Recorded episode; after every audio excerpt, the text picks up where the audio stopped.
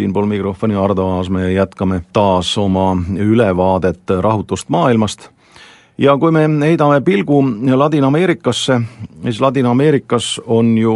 stabiilsuse tagajaks olnud suuresti Ameerika Ühendriigid viimase paarisaja aasta jooksul ja sealne mudel lähtub ameerikalikust arusaamast, kus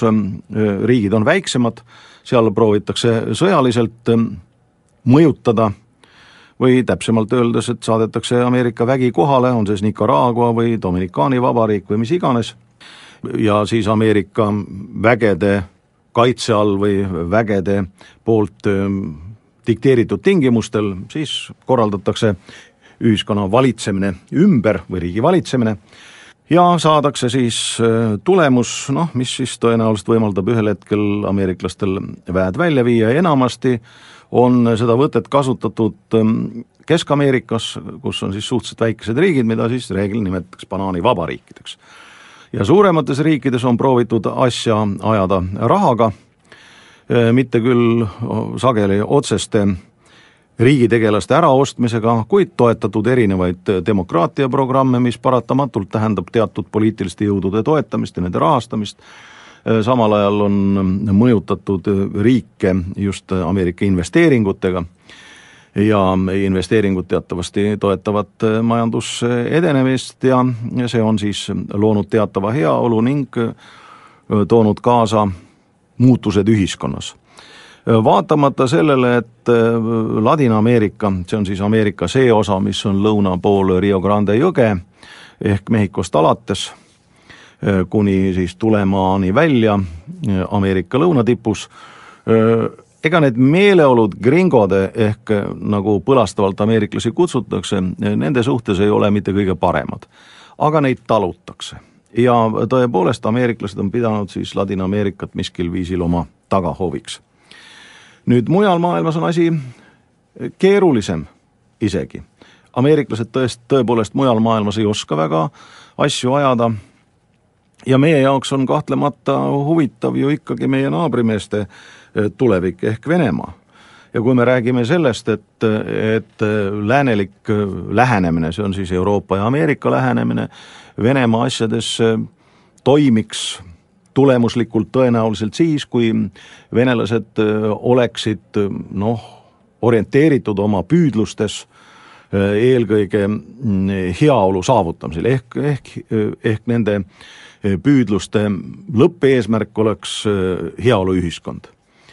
see ühelt poolt ähm, isegi on sedamoodi, sest ähm, kui me mõtleme Nõukogude ajale tagasi, siis Nõukogude ajal ju mida propageeriti? Propageeriti sisuliselt sedasama asja, mida propageeriti Ameerikas, ainult erinevate vahenditega, et Nõukogude ühiskonna ja partei ja valitsuse hoolitsuse peamine eesmärk on Nõukogude inimese heaolu ehk tänapäeva venelane põhimõtteliselt on kasvanud ajastus, kus talle päevast päeva on räägitud sellest, et peamine eesmärk on heaolu saavutamine, inimestel on selleks õigus ja kõik, mis sellest tuleneb. Teisalt vaadates Vene ühiskonda, on see mõnevõrra pealiskaudne käsitelu, kas või juba sellepärast, et samas Vene mõtteviisis on väga tähtsal kohal Äh, ka mitte heaolused küsimused, kui nii võiks öelda. venelased tunnevad uhkust, et nende riik on olnud suurriik. Äh, selle nimel on nad nõus panustama ja, ja loobuma millestki. Ja kui tänasel päeval äh, rakendatakse Venemaa suhtes sanktsioone seoses Ukrainaga, mis võtavad ära või kahjustavad majanduslikult Venemaa rikkureid, mis on siis Putinile lähedased isikud, siis ähm, teatud Vene ühiskonnakihtides äh, kiidetakse ta isegi kaudselt heaks. Sellepärast, et ähm, paljude venelaste veendumuse kohaselt on nad rikkad ebaausal viisil, nad on äh, rahva raha kokku riisunud ja kui neilt ära võetakse, siis nii tegelikult ongi õige. võib-olla natukene paha on see, et ei võta ära omad, et noh, vene inimesed ise ei võta seda raha ära ja seda rikkust ja ei jaga omavahel, vaid selle võtavad ära kurjad lääne inimesed, kes siis äh, on läbi ajaloo Venemaa edenemist takistanud ja pole lasknud Venemaal kui suurriigil tõeliselt õitsele puhkeda ja seepärast igatsetakse või kuidagi hinnatakse Jossif Stalinit, et näed, Stalin jõudis Venemaa mõjusfäärides ju Berliini taha ja, ja seda peetakse siis suurriikluse suureks saavutuseks, tänasel päeval on ju Venemaa kokku kuivanud pärast kõiki neid kaotusi ja mis tulid pärast Nõukogude Liidu kokkuvarisemist ja praegune väike võidukas sõda Krimmis ja segadused Ida-Ukrainas, see läheb paljudele vene inimestele korda eelkõige kui sammuke keisririigi vägevuse taastamise suunas ja Putin on siis see suur asjapulk, kes siis seda on edukalt vedanud. seega tänasel päeval ei ole päris selge, millised kaalutlused nende majandussanktsioonide puhul, mis Venemaa suhtes on rakendunud, millised kaalutlused jäävad peale Äh,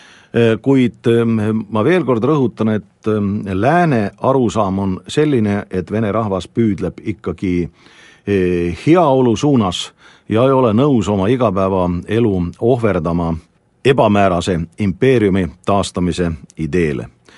tõsiasjad on aga sellised, et ähm, Venemaa ei ole majanduslik suurriik ju tänasel päeval Venemaa toetub eelkõige tooraine väljaveole ja täiesti selge, et, et Venemaa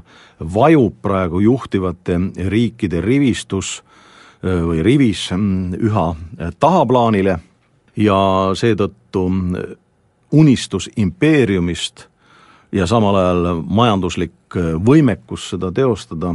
need ei lähe Venemaal üldse kokku. kuid arvestagem sellega,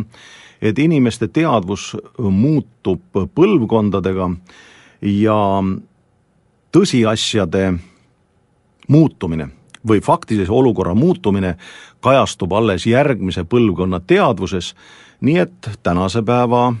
majanduslike olude tegelik seis mõjutab ilmselt põlvkonda, kes hakkab Venemaal häälekalt kõnelema umbes paarikümne aasta pärast